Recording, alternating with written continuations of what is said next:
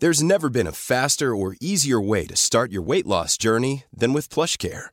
PlushCare accepts most insurance plans and gives you online access to board-certified physicians who can prescribe FDA-approved weight loss medications like Wigovi and Zepbound for those who qualify. Take charge of your health and speak with a board-certified physician about a weight loss plan that's right for you. Get started today at plushcare.com slash weight loss. That's plushcare.com slash weight loss. plushcare.com slash weight loss.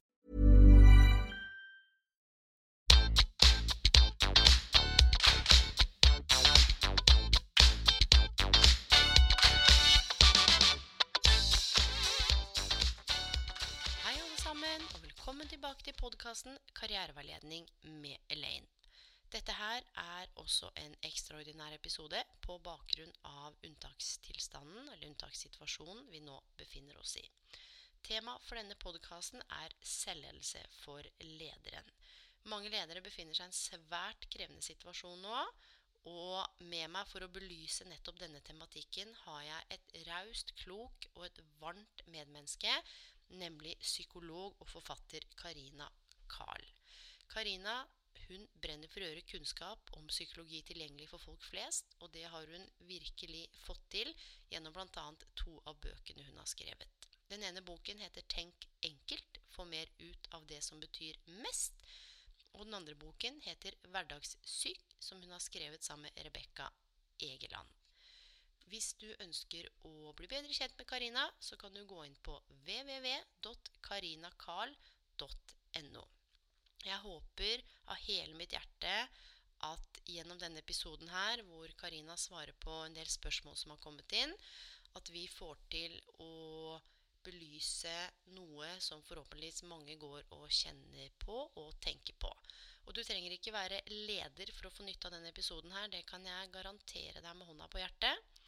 Så nå gjenstår det bare å ønske god lytt, og så håper jeg virkelig at alle som hører på, har det så godt som dere kan ha det nå. Hallo, Karina. Er du på linja? Jeg er på linja, vet du, Elaine. Åh, så hyggelig. Tusen, tusen takk for at du har tatt deg tid i en ellers hektisk hverdag. Det setter jeg, og jeg vet lytterne setter stor pris på det. Selv takk. Åh, vi skal gjøre noe nå som eh, vi opplever er viktig begge to, og det har kommet inn over 150 spørsmål knyttet til ledelse og selvledelse. Det er jo en unntakstilstand vi er i, det vet alle, men jeg tenker at vi rett og slett skal gå i gang, med mindre det er noen refleksjoner eller tanker du har lyst til å dele først. Um, jeg tenker at vi kommer inn på det underveis. Ja, Ja. flott. Da skal jeg sette i gang med det første spørsmålet, ja, og det er en som skriver Er det greit å vise følelser, eller bør jeg fremstå som mer tydelig og samla? Ønsker ikke å fremstå som svak og vinglete, men syns det er vanskelig. Dette er et veldig godt spørsmål. Fordi at vi eh, tradisjonelt har eh, et bilde av en leder som typisk det mange vil eh, betegne som sterk. Og sterk i betydningen av å ikke vise følelser. Det er en sånn gjengs oppfatning. Em, og jeg vil si litt gammeldags. Eh, så jeg vil svare at det er greit å vise følelser, men som leder så skal du først og fremst ha en funksjon, og det er å trygge dine ansatte. Fordi at hvis dine ansatte ikke er trygge, så vil de heller ikke virke. Så det viktigste er å, å virke tryggende på dine ansatte, sånn at de kan falle til ro og dermed kunne gjøre en god jobb i en arbeidshverdag. Nå Mm. står vi i en annen type situasjon, og da er denne tryggingen enda mer viktig, men kanskje også eh, på en litt annen måte. Og jeg tenker at en trygghet eh, er ikke nødvendigvis ikke å vise følelser. Fordi at da vil det være en veldig stor kontrast en Mm. veldig stor kløft og avstand mellom det eh, folk flest kjenner på, eh, og da en medarbeider, og det medarbeideren oppfatter og ser og erfarer i møte med sin leder. Mm. Så, så, så Som igjen kan skape lite troverdighet for eksempel, eller lite trygghet, og at medarbeideren kan føle på f.eks. å måtte selv være såkalt sterk, ta seg sammen og ikke vise følelser. Og det er jo mot den naturen vi mm. kjenner på oss mennesker. Vi er følelser. Mm. Og, og, du sa det der, jeg hadde tenkt å komme kort inn på det, dette med troverdighet. For det er jo noe med som leder også å kunne sette ord på det. Sant? Og si at jeg opplever at dette her er, er vanskelig, og at vi er i dette sammen. For det, det må vel kunne være en måte å håndtere det på, tenker jeg. Å kunne i hvert fall forklart å ramme det inn eller satt ord på det. At eh, ledere skal jo ikke være supermennesker, de er jo først og fremst mennesker. Så det, det, er akkurat det. Så jeg tenker at som leder så kan du vise følelser, men innenfor en viss ramme. ikke sant? Mm. Så det er noe med å, å være menneskelig, å være tilgjengelig. En man ønsker å, å tørre å henvende seg til. Mm. At man er trygg nok på det. Og da er det opp til, til lederen å, å, være nettopp den trygge det, man kan være en sånn trygghet i kraft av faktisk å reagere og utvise normale menneskelige reaksjoner på en sånn type unormal situasjon som vi befinner oss i nå. Og så er det klart at som leder så, så, så skal du også være, som spørsmålet her eh, sier noe om, eller bør fremstå som tydelig og samlet? Ja, det er viktig. Det er viktig å være tydelig, og det er også viktig å være samlet. Men det er ikke nødvendigvis motsetninger til Nettopp. også å la seg prege av følelser.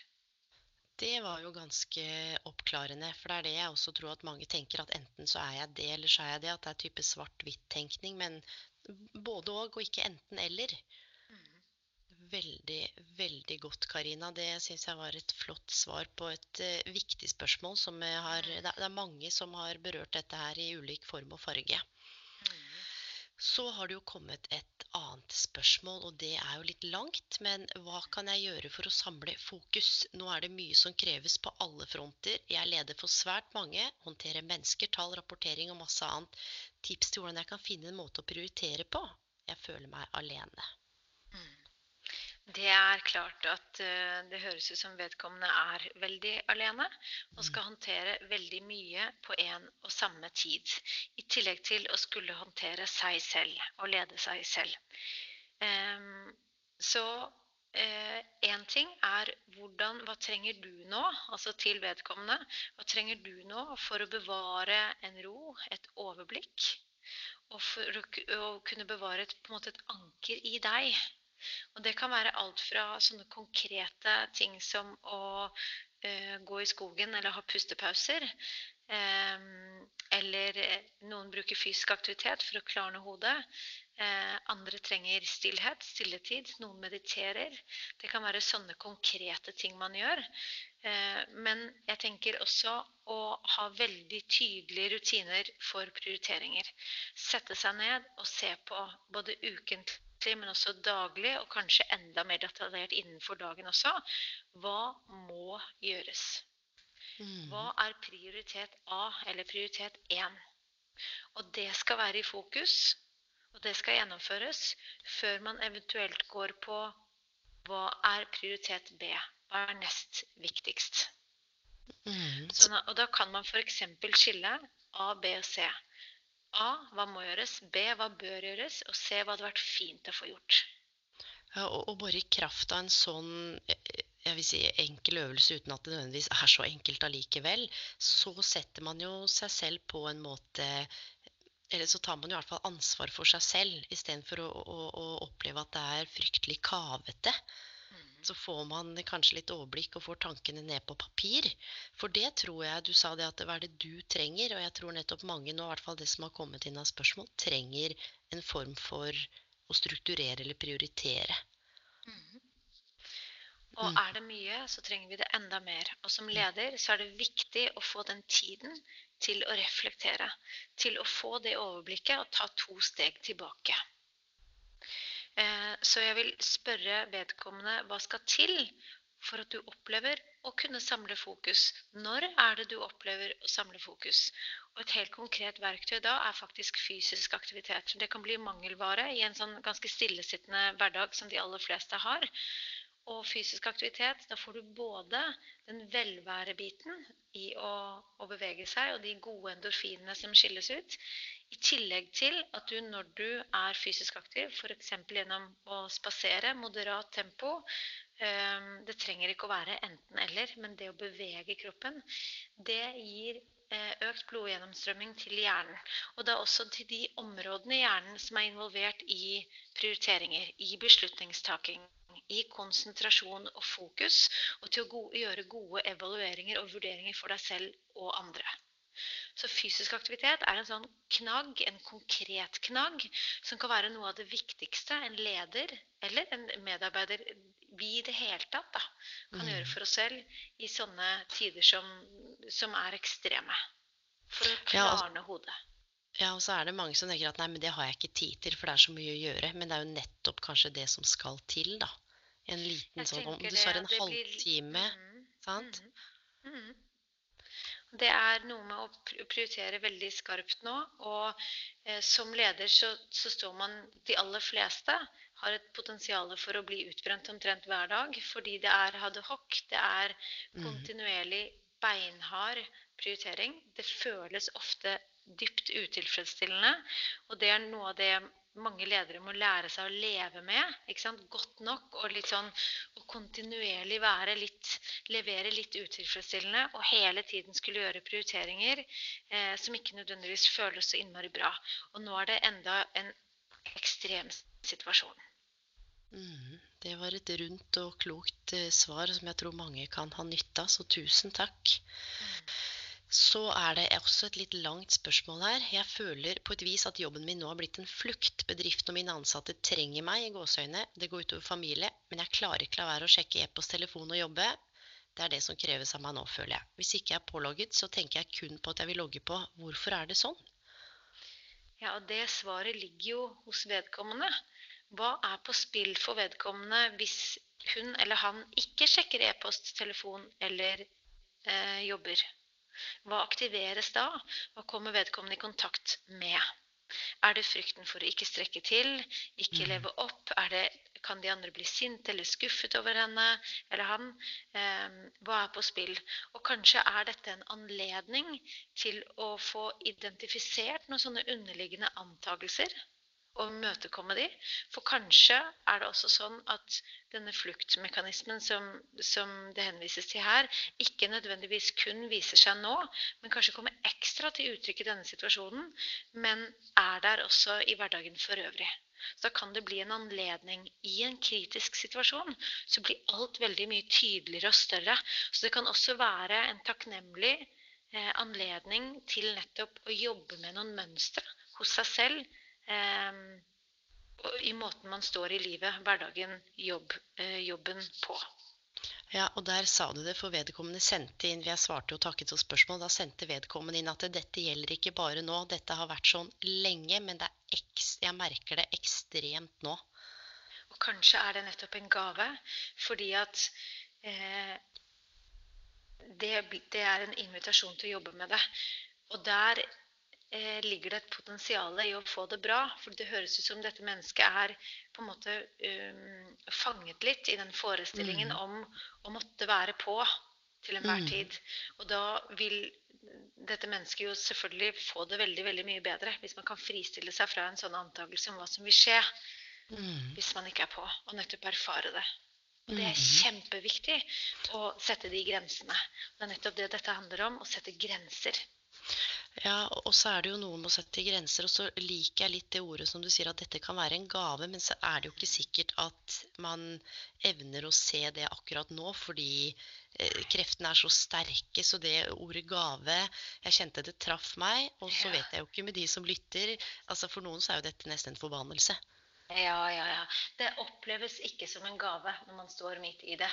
Mm. Eh, 100 Men i den store sammenhengen i det store bildet så blir det en anledning til å prioritere. Til å mm. lære å sette grenser, ta hensyn til seg selv, ta seg selv på alvor.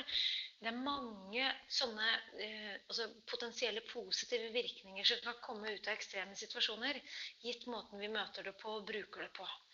Men det er ekstremt belastende.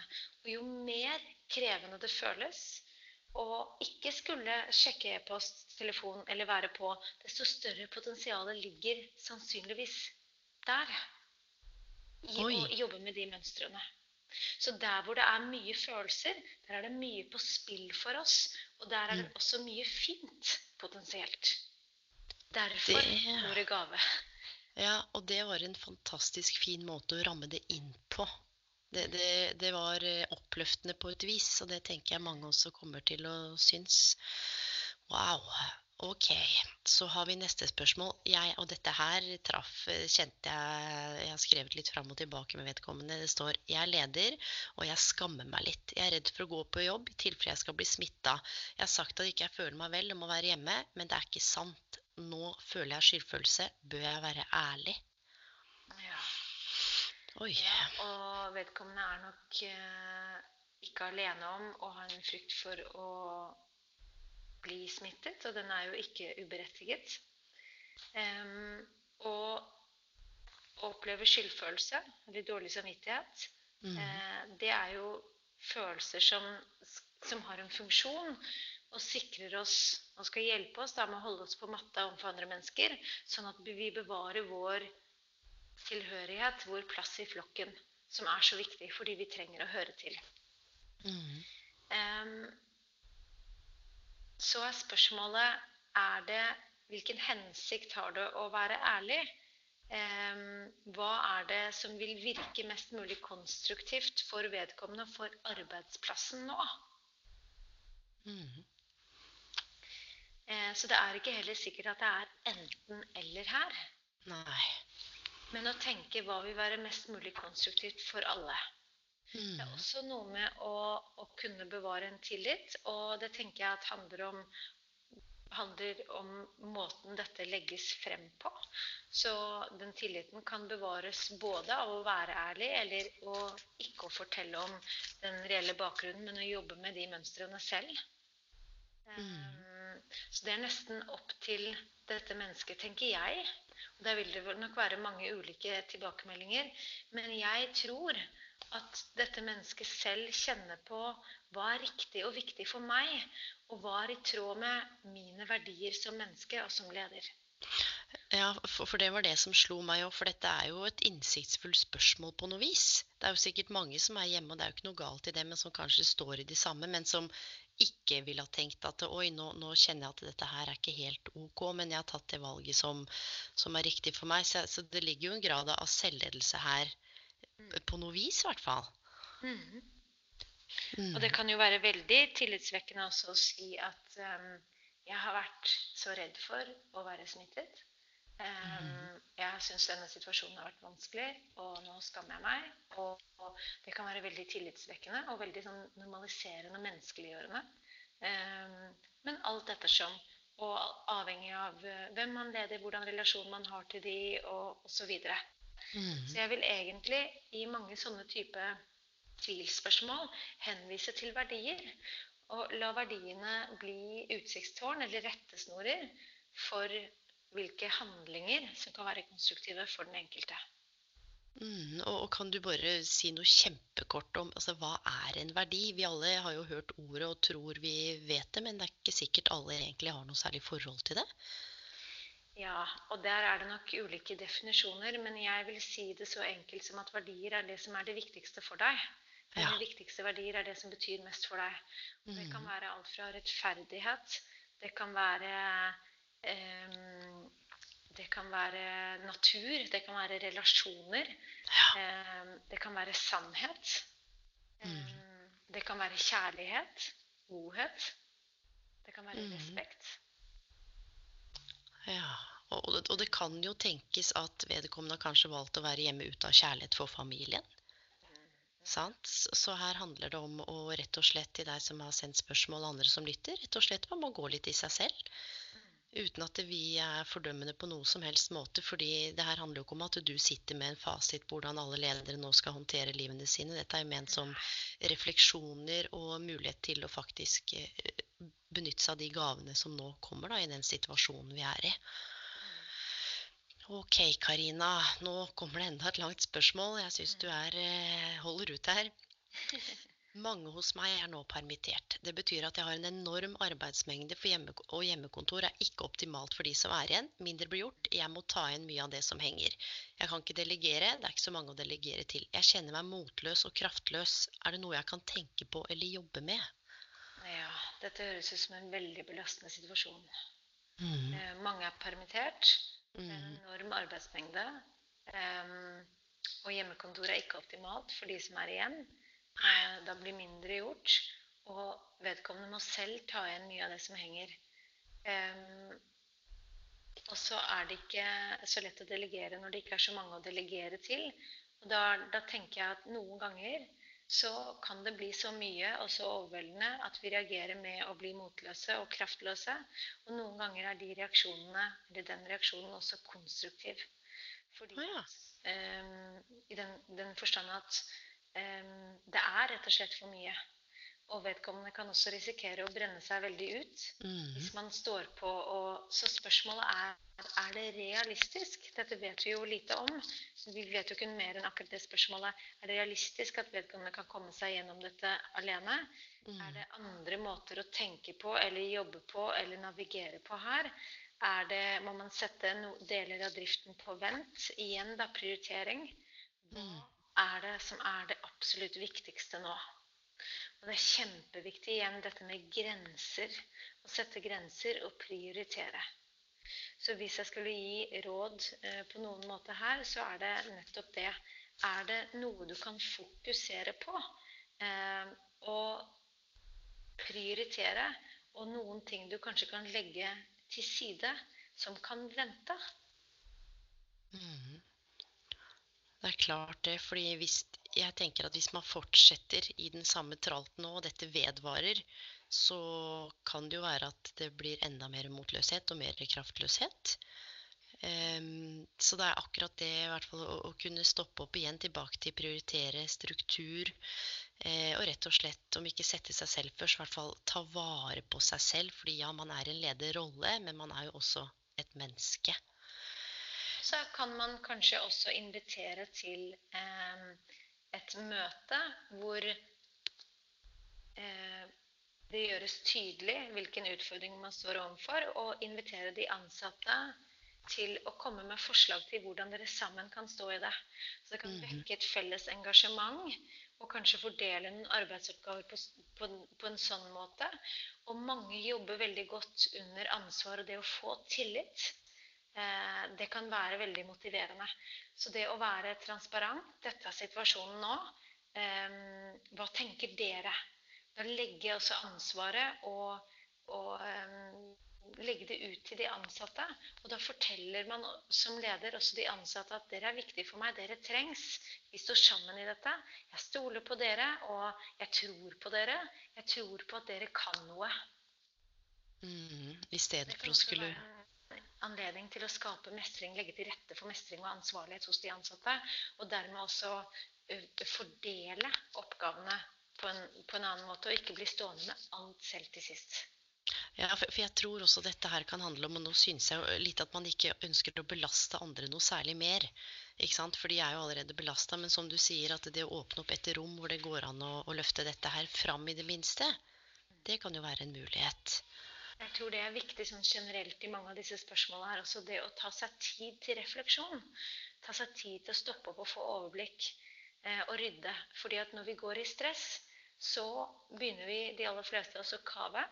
Mhm. Det blir vanskelig å navigere konstruktivt, prioritere hensiktsmessig. Eh, og så risikerer vi å begynne å kave. Og det er ikke produktivt. Og det er heller ikke bærekraftig. Det føles ikke bra. Vi kan risikere å begynne å multitaske, f.eks. Mm. Det kan hende at vi gjennom å multitaske i kraft av å ha et så høyt gir med å gjøre så mange ting på en gang, føler at vi får utrettet veldig mye. Men så viser jo forskning på multitasking at, at produktiviteten faktisk går ned med opptil 40 Oi. eh, Sånn at det å investere tid da, Mm. i å, i å løfte blikket og prioritere, det tror jeg er veldig, veldig viktig. Fantastisk. Flott, Karina. Oi, jeg kjenner jeg blir helt sånn. Jeg følger så nøye med. Jeg blir helt uh, oh. Ok, og så har det kommet et som sikkert mange også kan kjenne seg igjen i. Som leder kjenner jeg nå på både medmenneskelighet og egoisme. Jeg er livredd for å miste jobben. Er det, er det noe galt med meg som er mer opptatt av hvordan det skal gå med meg enn mine ansatte? Nei, det er ikke noe galt med deg. Og dette skjer med oss mennesker i krise. Vi blir ofte veldig selvsentrerte også. Eh, I det øyeblikket vi selv er utsatt, så er det ofte det som gjelder. Og det går ren overlevelse i dette. Det er, det er ganske eksistensielt. Mm. Når man begynner å frykte å miste et livsgrunnlag. Det er ikke så rart. Så nei, absolutt ikke. Det er ikke noe galt med deg. Um, og å møte deg selv med omsorg og raushet for at du nettopp også er et menneske. Mm. Flott. Og så er det neste. Jeg er veldig ny i lederrollen. Hjelp! Dette er overveldende. Jeg tror jeg er altfor mye på tilbudssiden. Alle ringer meg, og jeg lytter og lytter. Det er kaotisk og vondt. Kan du komme med tips eller råd til hva som kan være viktig å tenke på, ha fokus på? Jeg begynner å bli sliten.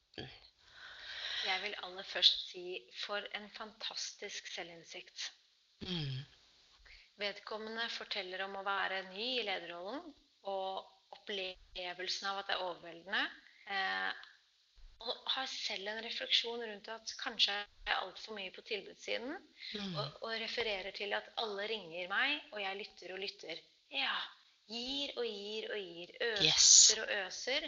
Tilbyr seg og øser. ikke sant? Og så mm. blir det da en ubalanse i hva vedkommende gir ut, og i vedkommende, hva vedkommende får tilbake. Mm. Og dermed en naturlig reaksjon eh, i å oppleve at det er kaotisk, og at det er vondt. Så jeg tenker at her er du i kontakt med dine egne grenser. Her er du ja. absolutt i kontakt med dine egne grenser, og dette er viktig. Så når det, er, når det oppleves som kaotisk og utfordrende, og det er nytt og overveldende, der skjer læringen, og det kan være veldig smertefullt. Mm. Så jeg kan si at dette her kan det komme veldig mye verdifull innsikt ut ifra. Ja. Eh, for, for, det er jo noe med det eh, å, å, å klare å si nei. For dette her, det, det handla om Vi, vi melda jo litt fram og tilbake, og vi vil jo gjerne være på tilbudssiden, og du vet man er ny. Eh, og så er det liksom det med å si Nei, det passer ikke nå, eller åh, enda en telefon. Det er jo ikke rart man blir sliten da. Og vi vil, de aller fleste av oss, vi vil gjerne Vi vil strekke til, vi vil være gode nok. Eh, vi vil være verdifulle for hverandre og andre. Eh, og da kan det noen ganger føles risikofylt å faktisk sette grenser og si nei.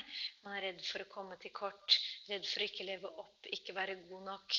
Eh, men så tenker jeg at det er akkurat det som er viktig å lære spesielt i en lederrolle. Man, en, en, eh, man skal serve andre mennesker. Og for å kunne ha noe å gi, så må man også eh, kunne ha et sted å hente seg mm. og hente overskudd for nettopp å kunne være den man ønsker. Så hva skal til for deg, altså, som har sendt inn dette spørsmålet, for at du skal kunne ha overskudd til å være den du ønsker å være? Um, og at det er en balanse i måten du prioriterer deg selv, og måten du prioriterer andre og det å lytte. Og øve deg å sette grenser på en konstruktiv måte. Det er lov å si 'Jeg vil kjempegjerne lytte'. Dette skjønner jeg at det er belastende, men Ikke sant? Mm. Eh, det går an å sette grenser til hvilke tidspunkter man er tilgjengelig. Nettopp. Fornuftig. Veldig, veldig klokt tips. Det går an å sette grenser eh, for hvor lenge man er tilgjengelig av gangen. Og den beste hjelpen vedkommende kan gi sine ansatte nå, er antageligvis også hjelp til å finne hjelp og stille spørsmål tilbake. Hva trenger du mm. nå? Hvordan kan du ivareta deg selv? Sånn at de ansatte som søker vedkommende, eh, kan bli oppfordret til å nettopp lede seg selv i dette. Mm, veldig, veldig klokt. Takk. Så har vi jo enda ett. har du noen konkrete råd eller tips for hvordan gjennomføre den vanskelige samtalen med de jeg snart nå må nedbemanne? Vedkommende skal da altså i møte snart og fortelle at det blir nedbemanning. Det er ekstremt belastende. Mm. Kjempevanskelig. Og vi mennesker vi er jo utstyrt med empati, som gjør at vi har evne til å sette oss inn i andre menneskers ståsted, andre menneskers situasjon. Og da å møte sånne eh, potensielle situasjoner igjen og igjen, det er veldig, veldig belastende. Um, og det viktigste du kan gjøre i gjennomføringen av så, såkalte vanskelige samtaler, det er nettopp å være empatisk og uttrykke um, at dette er vanskelig. Og så tenker jeg at for de aller fleste så er det sånn at det er ikke nødvendigvis det at man blir avskjediget eller mister jobben i seg selv eller ikke, som er avgjørende. Um, men måten det gjøres på. At mm. prosedyrene rundt er rettferdige. At man som ansatt forstår rasjonalet. Man forstår hvorfor man blir avskjediget. Um, og da kan de aller fleste av oss mennesker vi kan vi kan forstå og forsone oss med så lenge det er en logisk grunn. Vi skjønner at det ikke er økonomi, f.eks., eller mm. eh, andre årsaker. Da, da, kan vi godt reagere med følelser fortsatt. Det er vanskelig og konfliktfylt, men det er lettere å akseptere. Og mm. aksept er et nøkkelord her. Så å hjelpe eh, disse menneskene til å akseptere gjennom å sørge for at prosessen er rettferdig, ryddig, ordentlig. Mm og at det er et tydelig rasjonale bak avskjedigelsene. Mm. Det var eh, definitivt klokt, det også at det Og i en forlengelse så tenker jeg at det gjøres med, med, verdighet. Alle vet jo at vi er i en veldig utfordrende situasjon, så og mange sitter nok bare og venter på at nå er det snart min tur, men alt handler uten å legge for mye nå på, på leders sine skuldre, men så handler det mye om rett og slett hvordan dette her blir eh, gjennomført rent mellommenneskelig. Ja, nettopp. Mm, flott. Så kommer et litt kortere spørsmål. Jeg trenger enkle råd for å håndtere rollen min som leder nå. Føler at det er kaos i huet. Hva er dine tanker om hva jeg bør tenke på? Ja, og det var jo et ganske sånn generelt spørsmål. Yes. Da er det litt vanskeligere å skulle gi eh, enkle råd. Men igjen så har jeg lyst til å løfte frem dette med verdier. Mm. Eh, fordi at hva er din intensjon ved å være leder? Hvorfor er du i, i denne rollen? Hvorfor skal andre, altså dine medarbeidere, følge deg? Det kan være konkrete råd.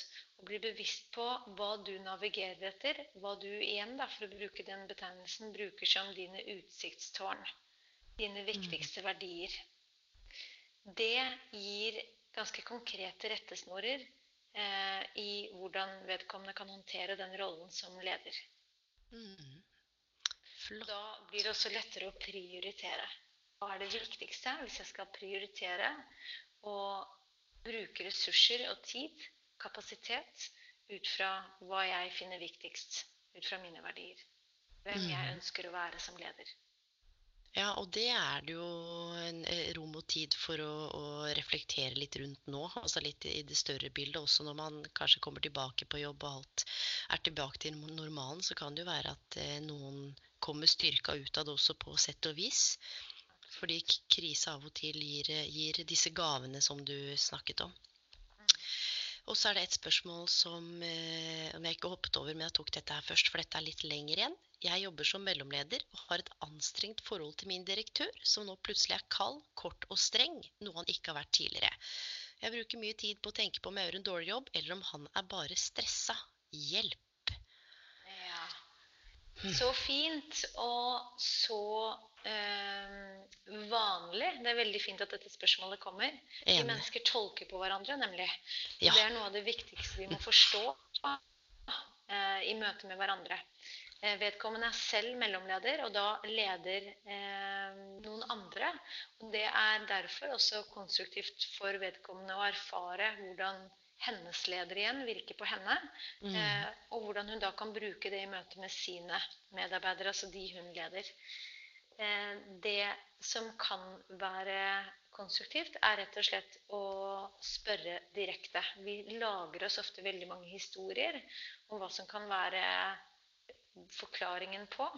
Det å eh, oppsøke direktøren for eksempelvis eh, og si at du, jeg, det, er, det, er, som om jeg reagerer på noe, eller um, jeg opplever altså, sånn og sånn, eller mm. jeg lager en historie om at uh, jeg kanskje ikke tilfredsstiller kravene dine nå, eller, men, men, stemmer det? Jeg må nesten spørre deg. Ikke sant? Fordi da kan man få Det er ganske konfronterende. ja, for det krever mot.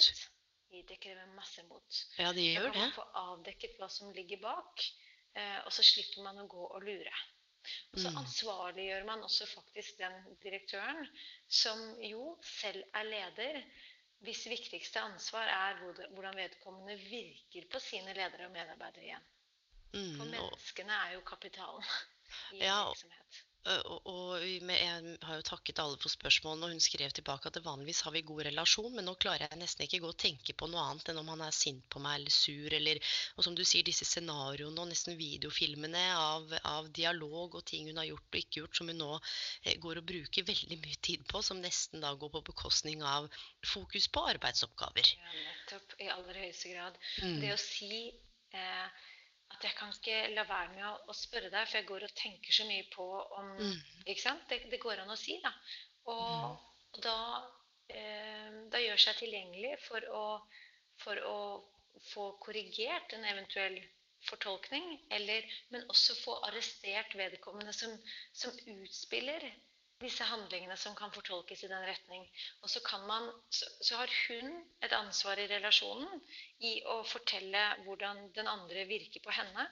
Og så har og selvfølgelig også et ansvar for hvordan, altså hva hun selv spiller ut til han. Og så har mm. han det samme ansvaret. Og på den måten så, så deler vi, altså to mennesker i en relasjon, da, deler på ansvaret for relasjonen. Og er mm. begge aktive parter. Ja, uten å nødvendigvis skulle gå inn og være anklagende, for det handler jo litt også, med ordlyden hvordan man legger det fram. Og så Ja, nettopp. Eh, og så er det jo noe med Relasjonen har jo vært på plass i lang tid tidligere. For å bruke det ordet, så den har jo vært stabil og god. Men det er akkurat nå i denne unntakstilstanden hvor relasjonen har skifta. Da kan man jo si det. Det er som om jeg opplever yes. at noe er annerledes i vår relasjon. Ja. Men jeg er usikker på om det bare er jeg som tolker. Kan jeg spørre deg om det? Ja, og det, det, er en veldig fin eh, innfallsvinkel uten at man verken angriper eller anklager. Eller det er rett og slett ren nysgjerrighet. Nettopp. Mm, og, og, dermed så Det kan jo allikevel kreve mot, men jeg tror av og til at man må mane fram litt annen type mot hvis man har disse scenarioene hvor nå skal jeg inn og anklage deg, du, når du sier det, eller du gjør sånn. Så, så, det handler jo litt om hvordan det legges fram, og at eh, som du sier dette med at vi tolker hverandre som vi gjør veldig, veldig ofte, og mye av Karina. Ok, så er det et Nå er det ikke mange spørsmål igjen, altså. Jeg jobber som leder i en stor bedrift. Kan du dele noe som du tenker jeg kan ha nytte av som leder for å roe ned meg selv, og som jeg kan bruke for å berolige mine ansatte? Og det er ting. Og der er det veldig mange ulike verktøy som, som virker for, um, for oss, som kan virke for oss. Um, enkle råd for å håndtere rollen min, kan vi se. Um, for å skape ro så tenker jeg at uh, vi trenger helt grunnleggende trygghet. Så for å kunne være og skape skape, være en som kan skape trygghet hos dine ansatte, eh, så tenker jeg det å være synlig og faktisk spørre dine ansatte hvordan de har det, eh, mm. bruke litt ekstra tid på å være tilgjengelig nå i en sånn unntakstilstand. Og da kan vedkommende også selv erfare og kjenne en trygghet i kraft av å ta den trygge rollen å våge å tørre å være til stede for, å være synlig og være eh, tilgjengelig for. Å sette fokus på det mellommenneskelige. Mm, og, og, det, eh, og så tenker jeg ja. Jeg skulle bare si, for, for nå er det jo mange som er, er hjemme, så det blir jo en blanding av det digitale eh, for de som eh, sitter med hjemmekontor. Og så blir det en blanding av det å være synlig ute si, i gangen eller så godt man, Nå er det flere måter å være synlig på, da. Eller man må ta kanskje i, i bruk andre verktøy enn man har gjort før. Mm. Og det kan være å ringe eller å um, skrives på e-post eller tekstmelding mm. eller Det er mange måter å være synlig og tilgjengelig på. Um, og så tenker jeg at vedkommende kan spørre sine ansatte også. Hvordan kan jeg trygge deg? Hva ja. trenger du fra meg for å være trygg? I tillegg så kan man også som leder sette fokus på det på bedriftsnivå eller avdelingsnivå. Og si at hvordan skal, kan vi skape en trygg avdeling eller en trygg gruppe, eller være et, en trygg arbeidsplass. Sånn at alle mm. utspiller en viktig rolle i å skape den tryggheten. Alle har et ansvar. Alle sammen virker inn som et viktig ledd, som en viktig brikke. Og det maner også til et eierskap hos den enkelte. Og da kan man skape et fellesskap som kan oppleves som veldig trygt. Mm. Og så er det jo noe med at kollegaene også kan ha nytte av hverandre for å berolige hverandre. At det ikke bare er en, en enmannsjobb for lederen, men han kan initiere. Men, men, det skjer jo enormt mye læring og kunnskap og kompetanseoverføring mellom kollegaer også. Veldig så det, mm. Og så tenker jeg helt konkret at, at det å bruke pusten som verktøy um, Det betyr ikke at man nødvendigvis trenger å, å dykke ned i, i meditasjon, men å puste rolig og sette rolig pust på agendaen noen ganger i løpet av dagen. Det kan være snakk om én til fem dype pust. Eller å investere ti minutter, f.eks. daglig, til å sitte og puste og være. Det er vel investert tid som virker direkte inn på hjernen, som virker direkte inn på nervesystemet. Så når vi mennesker puster rolig, så aktiverer vi det beroligende nervesystemet, det parasympatiske nervesystemet, som gjør at vi kan kjenne en trygghet, en ro. Da blir det også lettere for oss å jobbe mer effektivt, prioritere, treffe gode mm. beslutninger, ta inn ny informasjon, men også å kunne være trygge i oss selv og i møte med hverandre. Mm. Wow. Takk skal du ha, Karina. Så har vi da et spørsmål her som lyder som følger. Jeg jobber som leder i en liten bedrift. Alt har alltid gått på skinner. Jeg tror jeg begynner å få angst, kanskje. Jeg har vært vant til å jobbe hele livet. Nå er jeg permittert. Hva skal jeg gjøre med dagene? Kjenner meg helt tom. Ja, dette er utfordrende. Det er en liten bedrift. Eh, mm. Det er alltid gått på skinner. Mm. Og så um, er vedkommende nå permittert og mm. blir, som jeg leser det, det er liksom handlingslammet. Mm. Eh, helt tom. Det blir vanskelig å få gjort noe kanskje i det hele tatt. Og man er vant til å gjøre mye og ha mye på agendaen, og at ting bare fungerer og virker. Og nå er det opp til en selv. Og da kan angsten komme. Å oh, ja. Mm. Mm. Angst kan komme av mange ulike årsaker og i mange ulike settinger. Men eh, vi må skille mellom angst og frykt. Hvor frykt er en normal reaksjon på en unormal situasjon. Altså det vil si at den er, den er, konstruktiv. Det er masse energi i frykt som får oss til å, å kunne altså Det hjelper oss til å beskytte oss da, mot mm. potensiell fare eller risiko. Angst betegner vi som en overdreven reaksjon når det blir for mye i forhold til situasjonen. Og så kan man også spørre seg om denne angsten kanskje er en ganske naturlig reaksjon fordi at vi nå står uten, overfor en situasjon som vi ikke har sett før. Um, og som har enorme økonomiske konsekvenser. Enorme økonomi konsekvenser for arbeidslivet. Um, mm. Både det private, men også, men også, det offentlige. Og her er det jo snakk om en privat bedrift, formoder jeg. Mm, stemmer. Um, så så eh, det å prøve å konkretisere, prøve å sette små legge små planer. Noe av det viktigste vi kan gjøre for oss selv i krisesituasjoner, det er nettopp å holde fast i hverdagsrutiner. Stå opp Mm. altså samme tid hver dag.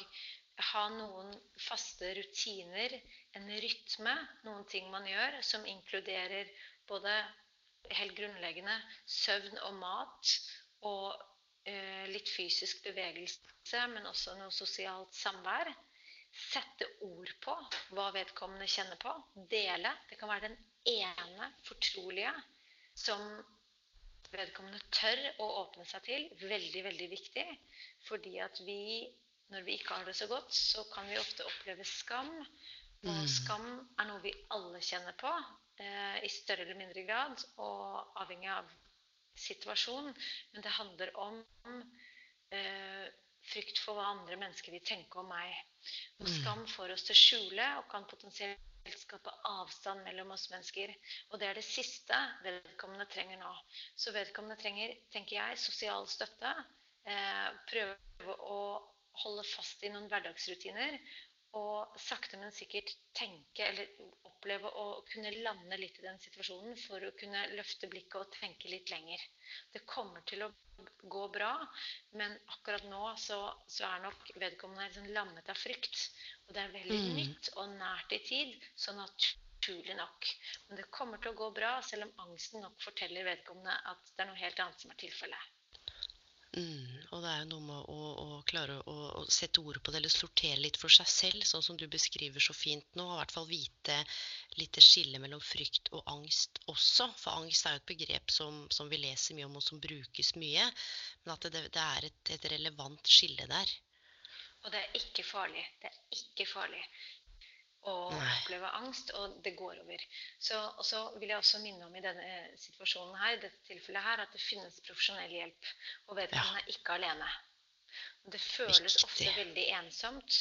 Når vi har det veldig vanskelig, så har vi en tendens til å tenke at det er bare meg, og alle Mm. andre fikser og håndterer, og eh, det er ikke tilfellet. Så, så det å vite at det finnes hjelp, og at du ikke er alene, det kan være en magetrøst, tross alt. Mm. Ja, men, men det, er viktig, det er viktig også. Og det er mange, mange nå som er i denne situasjonen. Eh, men, som antageligvis opplever det litt ulikt, og samtidig også opplever det likt. Så, men definitivt, og det er jo profesjonelle det er, det er mulighet for å få profesjonell hjelp, men også som du sier, det å kanskje våge å si noe til noen man stoler på. Ikke nødvendigvis hvem som helst.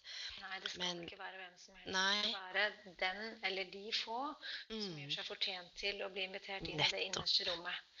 Og så tenker jeg at eh, vedkommende kan spørre seg selv at når alt dette er over, for det kommer til å gå bra, eh, og det har gått bra, og man ser tilbake, hva ville man ønske at man hadde brukt disse dagene på, eller hva ville vedkommende rådet en annen person i samme Mm. situasjon til å gjøre?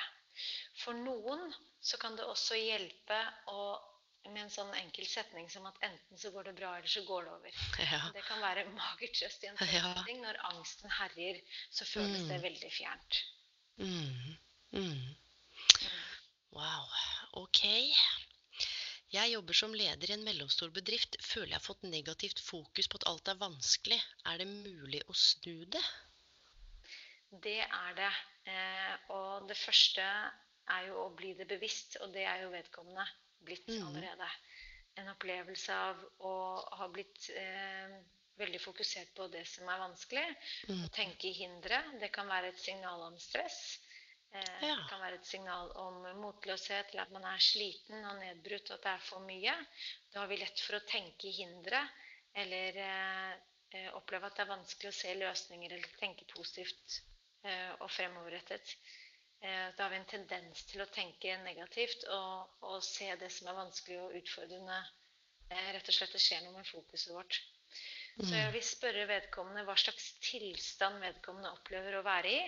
Om det er andre arenaer vedkommende også opplever at eh, fokuset har endret seg, så handler dette egentlig om jobben, eller kommer det til uttrykk Mm. på jobben? Det var interessant at det, det enten kan gi overslag til andre. Veldig interessant, Karina. Hmm. Spørsmålet er hvilken tilstand vedkommende mm. opplever å være i. Mm. Eh, Og så kan jeg jo trekke på det begrepet jeg brukte tidligere med altså konstruktiv eh, resignasjon.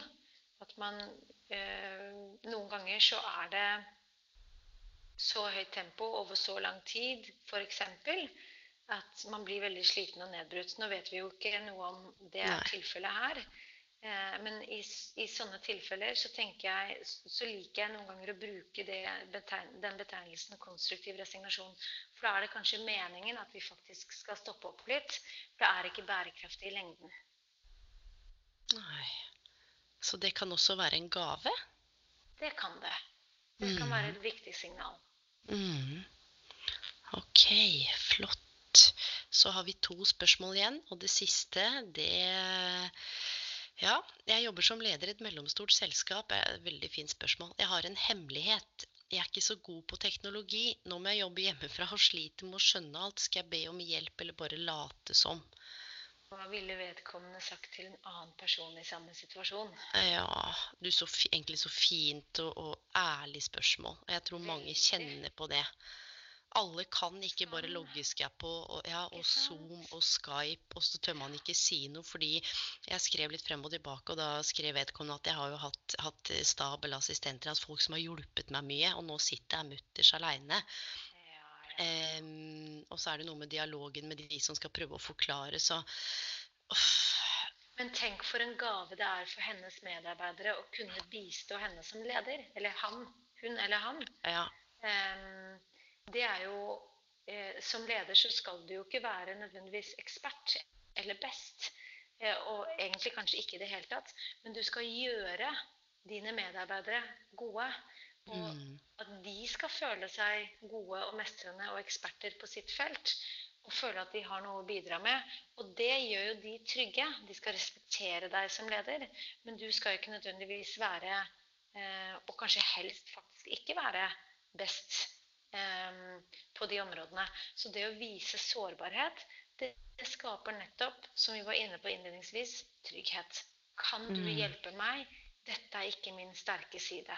Og rett og slett å eie det. Fordi vi er mm. forskjellige. Vi har forskjellig kunnskap, innsikt, ferdigheter. Eh, og uten at noe er noe bedre enn noe annet, eller at det betyr at man ikke er god nok. Det kan igjen gjøre at medarbeiderne blir vesentlig tryggere også på mm. vedkommende. Og det er jo god ledelse. Ja, og, og det er akkurat det når noen velger å være sårbare, så vil det kanskje være noen andre som sier du, jeg skjønte ikke helt den knappen jeg heller, eller hvordan jeg skulle gjøre det. For vedkommende sa også her at noen ganger så, så lyver jeg. Jeg sier at jeg er i et annet møte eller gjør noe annet viktig, for at jeg klarer ikke logge seg på eller få det til. Og det er klart at det, det er jo ikke noe godt for ens egen del. Og så lærer man jo ikke heller. ikke sant? Man får ikke noen anledning til å lære. Mm. Um, det tenker jeg at uh, igjen da, enten så lykkes du, eller så lærer du. Og vi lærer hele tiden. Så vi skal omfavne tenker jeg, vår egen tilkortkommenhet og feil.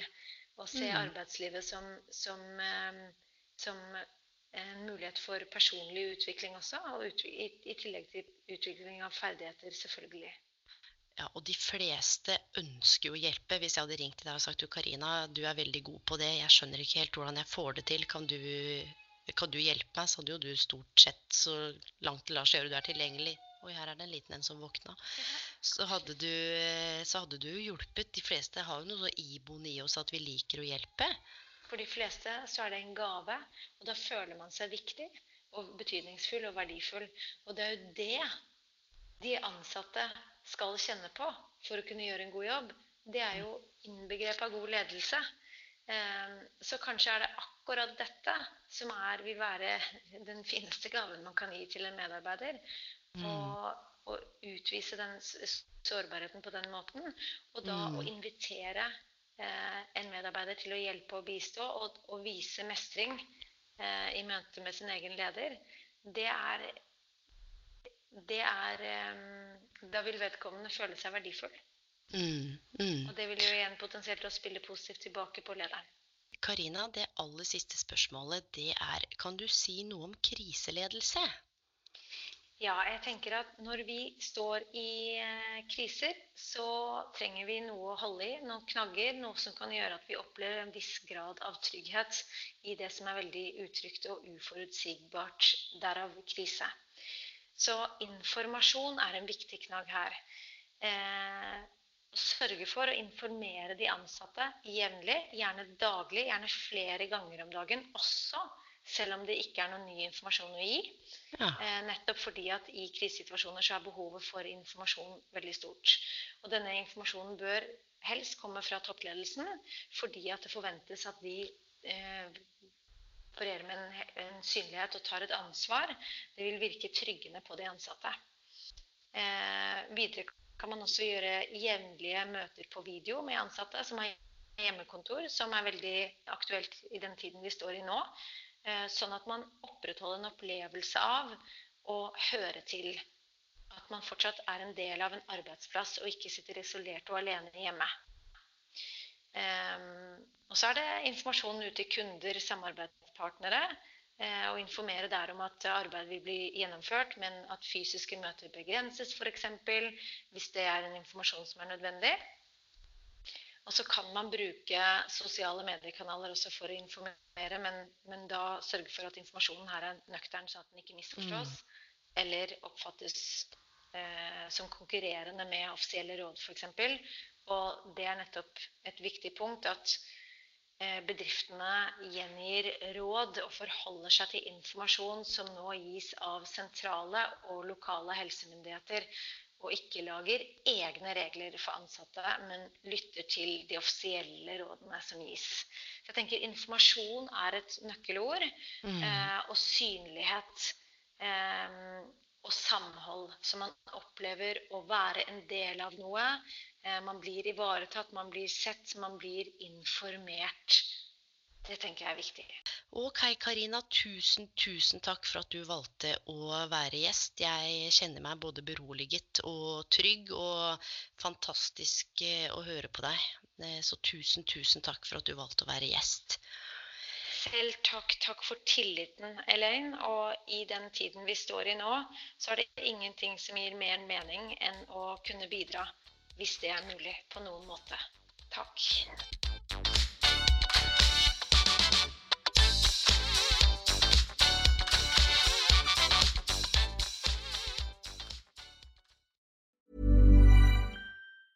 Even when we're on a budget, we still deserve nice things. Quince is a place to scoop up stunning high-end goods for 50 to 80% less than similar brands. They have buttery soft cashmere sweaters starting at $50, luxurious Italian leather bags, and so much more. Plus, Quince only works with factories that use safe, ethical, and responsible manufacturing. Get the high-end goods you'll love without the high price tag with Quince. Go to quince.com/style for free shipping and 365-day returns. My business used to be weighed down by the complexities of in person payments. Then, Tap to Pay on iPhone and Stripe came along and changed everything. With Tap to Pay on iPhone and Stripe, I streamlined my payment process effortlessly. Now I can accept in person, contactless payments right from my iPhone. No extra hardware required. What's truly remarkable is how I can cater to all of my customers' payment preferences. Whether they're using cards, Apple Pay, or other digital wallets, Tap to Pay on iPhone and Stripe ensure a smooth checkout experience every time. And it's not just me. Stripe helps businesses of all sizes, from local markets to global retailers, scale quickly and stay agile. To learn how Tap to Pay on iPhone and Stripe can help grow your revenue and reach, visit stripe.com/tapiphone.